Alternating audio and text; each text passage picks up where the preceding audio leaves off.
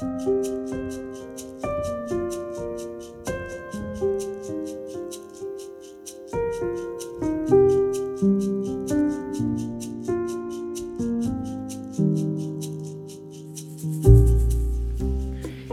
lytter, i dag vil jeg si noen ord om den hellige hviledagen midt i tiden. På samme måten som tidebønn i hverdagen kan være en god måte å forberede gode rammer for at Gud kan gi oss Kairos-øyeblikk på. På samme måten er en ukentlig hviledag Guds ferdiglagte hellige rom i tiden. Det er ikke slik at han ikke kan fylle alle slags dager med sitt nærvær, men uten den regelmessige hviledagen vil vi som mennesker før eller siden gå over til å være vår egen herre og skaper. Da lever vi i den sekulære illusjonen om det gudløse universet, og vi bedrar oss selv. Å leve et liv uten skaperens hviledag plasserer oss selv i sentrum av tid og rom. Da lever vi som om mennesket selv er opprettholder av alt liv eller for å bruke et annet bilde, lenge trodde menneskene at sola gikk i bane rundt oss og jorden, helt til Kopernikus avslørte den egentlige sannheten. Selv om vi tror vi er tilværelsens sentrum, så er det egentlig jorda som kretser rundt sola, og sola er bare en liten brikke i det store universet som Gud har skapt, og som han selv står utenfor. Hviledagen er et mektig symbol i tiden vår for akkurat dette. En ukentlig påminnelse om at det er Gud som er skaper av tid og rom. Vi stanser opp, ikke bare noen minutter, men helst en hel dag, for å ære vår skaper og ha fellesskap med hverandre. Pause fra arbeidet er det vidunderlige verktøyet han har gitt oss for dette, og det er bygget inn i skapelsens egen rytme. Thomas Sjødin beskriver den åndelige hvilen, eller sabbatshvilen, på denne vakre måten. Sabbatshvile er en hvile som er fylt av venner, minner, mat, samtale, ettertanke, impulser, humor, lek, glede og det sanselige.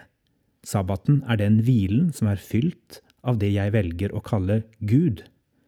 Som kristne feirer vi vanligvis sabbaten på den første dagen i uka, søndagen, Jesu oppstandelsesdag. Slik gjør vi Jesus til sentrum i vår tilværelse og den egentlige kilden til alt liv, både her og i det evige. Og jeg liker å legge til at hviledagen ikke først og fremst er en dag for å puste ut etter en travel arbeidsuke, slik vi har lett for å tenke. Nei, hviledagen er til for å puste inn. Vi puster inn det livgivende oksygenet som vi skal leve av. Alt som kommer etterpå, bygger på nåden i hvilen, ikke motsatt. Søndag er ment som livsnødvendig nådetid, litt som brødet og vinen i nattværen er nådemidler. Det er ikke tilfeldig at vi gjerne mottar begge deler samme dag i uka. Nådetid og nådemidler er ikke gitt oss fordi vi har opparbeidet oss bonuspoeng i Guds øyne. De er snarere bygget inn i vår tilværelse som helt avgjørende byggesteiner for alt det andre som kommer etterpå. Ved siden av de daglige tidebønnene peker Peter Scassero på sabbaten som en gammel skatt vi mennesker trenger å grave fram og ta vare på. Ordet sabbat kommer fra det hebraiske ordet, som betyr å opphøre, å slutte å arbeide. Poenget er at i en 24-timersperiode hver uke skal vi ikke gjøre noe som er forbundet med arbeid. Denne tidsperioden som vi skal orientere livet rundt, kalles hellig, altså adskilt og bedre enn de andre seks dagene. Sabbaten gir oss en tilleggsrytme der vi kan organisere livet rundt den levende Gud. Ifølge Peter Scazzero er det å holde hviledagen hellig både radikalt og ekstremt vanskelig for oss. Jeg tror han har rett.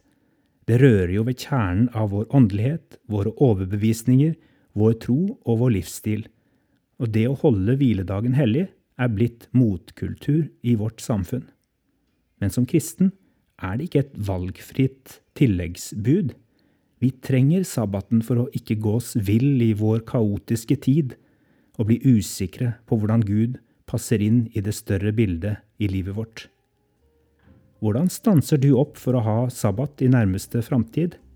Hvordan skal Gud få fylle din hviledag? Her er en bønn jeg pleier å bruke i min disippelrytme. Far, Sønn og Hellig Ånd. Her stanser jeg for å hvile. Berør meg nå. Gi meg en ny og stødig ånd, så jeg ikke beveger meg bort fra deg, men nærmere deg på min reise videre. God sabbat.